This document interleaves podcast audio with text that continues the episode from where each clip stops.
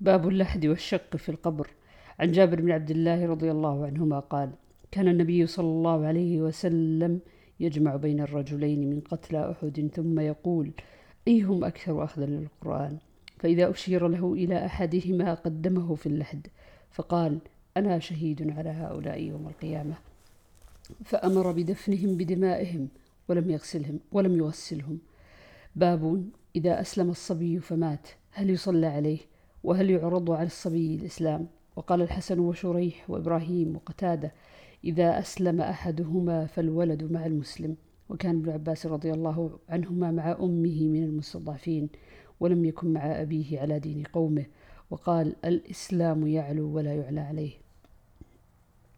عن ابن عمر رضي الله عنهما أن عمر انطلق مع النبي صلى الله عليه وسلم في رهط قبل ابن صياد حتى وجدوه يلعب مع الصبيان. عند أطم بني مغالة وقد قارب ابن صياد الحلم فلم يشعر حتى ضرب النبي صلى الله عليه وسلم بيده ثم قال لابن صياد أتشهد, أتشهد أني رسول الله؟ فنظر إليه ابن صياد فقال أشهد أنك رسول الأميين.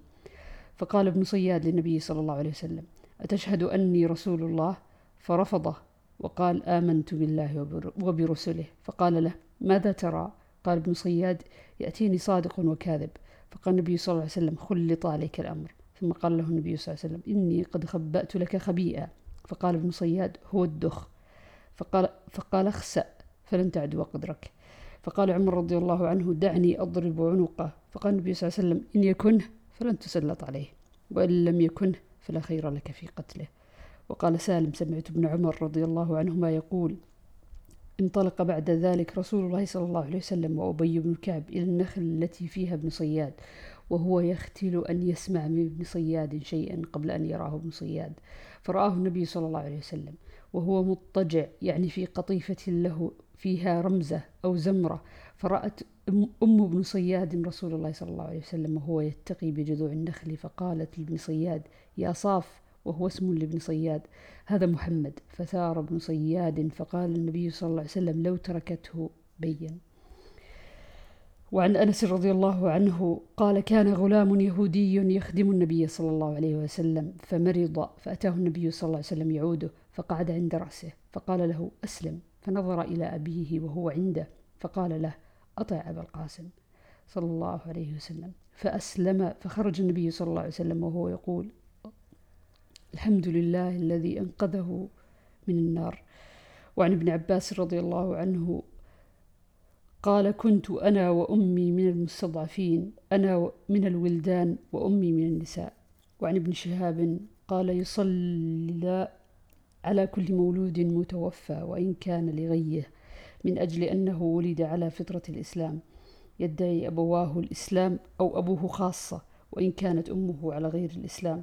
إذا استهل صارخا صلي عليه ولا يصلى على من لا يستهل من أجل أنه سقط. فإن أبا هريرة رضي الله عنه كان يحدث. قال النبي صلى الله عليه وسلم ما من مولود إلا يولد على الفطرة فأبواه يهودانه أو ينصرانه أو يمجسانه كما تنتج البهيمة بهيمة جمعاء. هل تحسون فيها من جدعاء؟ ثم يقول أبو هريرة رضي الله عنه فطرة الله التي فطر الناس عليها.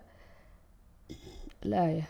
وعنه وعن أبي هريرة رضي الله عنه قال قال رسول الله صلى الله عليه وسلم ما من مولود إلا يولد على الفطرة فأبواه يهودانه أو ينصرانه أو يمجسانه كما تنتج البهيمة بهيمة جمعاء كما تنتج البهيمة بهيمة جمعاء.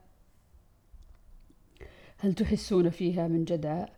ثم يقول أبو هريرة رضي الله عنه فطرة الله التي فطر الناس عليها لا تبديل لخلق الله ذلك الدين القيم.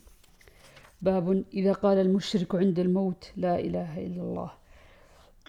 عن سعيد بن المسيب عن أبيه أنه أخبره أنه لما حضرت أبا طالب الوفاة جاءه رسول الله صلى الله عليه وسلم فوجد عنده أبا جهل بن هشام وعبد الله بن, أبي أمية بن المغيرة قال رسول الله صلى الله عليه وسلم لأبي طالب يا عم قل لا إله إلا الله كلمة, كلمة أشهد لك بها عند الله. فقال أبو جهل وعبد الله بن أبي أمية يا أبا طالب أترغب عن ملة عبد المطلب؟ فلم يزل رسول الله صلى الله عليه وسلم يعرضها عليه ويعودان بتلك المقالة. حتى قال أبو طالب آخر ما كلمهم هو على ملة عبد المطلب. وأبى أن يقول لا إله إلا الله. فقال رسول الله صلى الله عليه وسلم أما والله لأستغفرن لك ما لم أنه عنه ما لم أنه عنك. فأنزل الله تعالى فيه ما كان للمشركين للنبي. الآية.